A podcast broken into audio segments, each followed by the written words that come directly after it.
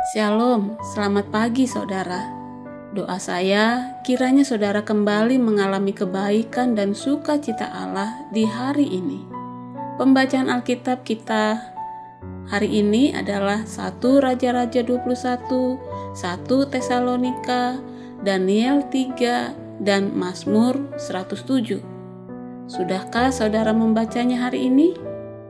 marilah kita tetap bertekun membaca Alkitab dan rasakan sendiri bagaimana Tuhan memberkatimu. Mari kita berdoa. Ya Tuhan, kami hendak membaca dan merenungkan firman-Mu. Kami sudah siap, berbicaralah. Dalam Yesus Kristus kami berdoa. Amin. Saya mengajak kita membaca dari Daniel 3 ayat 17 hingga 18. Jika Allah kami yang kami puja sanggup melepaskan kami, maka Ia akan melepaskan kami dari perapian yang menyala-nyala itu dan dari dalam tanganmu, ya Raja. Tetapi seandainya tidak, hendaklah Tuanku mengetahui, ya Raja, bahwa kami tidak akan memuja Dewa Tuanku dan tidak akan menyembah patung emas yang Tuanku dirikan itu. Demikian firman Tuhan. Beritakan Tuhan itu ada. Beranikah saudara untuk menyatakan bahwa Tuhan itu ada, terlepas dari apa yang orang lain katakan dan lakukan? Ada seorang pegawai yang bekerja di suatu perusahaan di sebuah kota, dan suatu hari, ketika pemilik perusahaan tersebut sedang berkunjung ke sana, Terdengar telepon berdering dan pegawai tersebut menjawabnya. Penelepon itu meminta untuk berbicara dengan pemilik perusahaan. Kemudian karyawan itu meneruskan pesan itu dan sang pemilik menjawab, "Katakan padanya aku keluar." Lalu si karyawan tetap mengulurkan gagang telepon kepadanya dan berkata, "Anda katakan padanya bahwa Anda keluar." Si pemilik menerima telepon itu, tetapi marah padanya. Si karyawan berkata kepadanya setelah itu, "Kalau aku bisa berbohong untukmu, aku bisa membohongimu."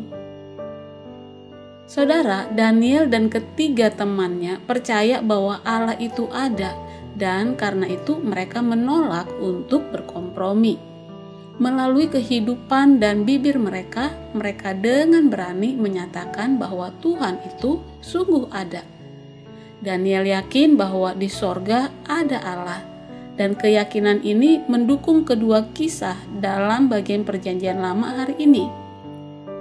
Dalam pasal kedua, kita membaca keyakinan Daniel bahwa Allah menyingkapkan rahasia dan kesediaannya untuk bertindak berdasarkan keyakinan tersebut. Dalam pasal ketiga, kita melihat ketiga temannya yang bersedia mengambil resiko kematian karena keyakinan mereka bahwa Allah sungguh ada dan komitmen mereka untuk hanya menyembah Dia saja. Daniel cukup rendah hati untuk mengaku bahwa penafsiran telah diberikan bukan karena kebijaksanaannya, tetapi karena kasih karunia Allah. Tuhan memberitahu Nebukadnezar tiga hal yang benar untuk kita juga. Pertama, semua yang kita miliki telah diberikan kepada saudara oleh Allah. Kedua, Tuhan telah menempatkan saudara pada posisi di mana saudara saat ini berada. Ketiga, Tuhan telah menjadikan saudara siapa saudara. Oleh karena itu, tidak ada alasan untuk kesombongan, keangkuhan, atau kepuasan diri.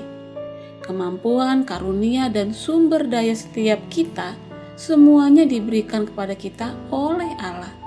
Daniel menafsirkan mimpi bahwa pada intinya semua kerajaan di dunia semuanya berakhir. Tidak ada yang abadi.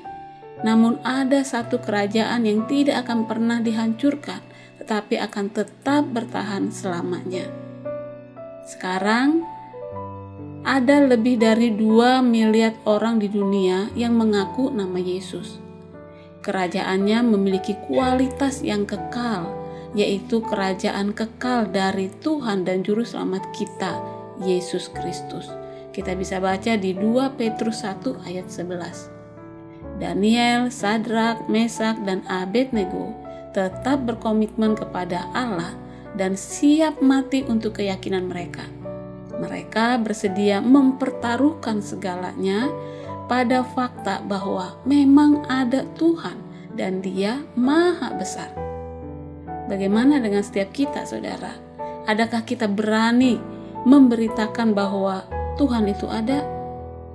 Beranikah saudara menolak untuk menyesuaikan diri dengan standar dunia?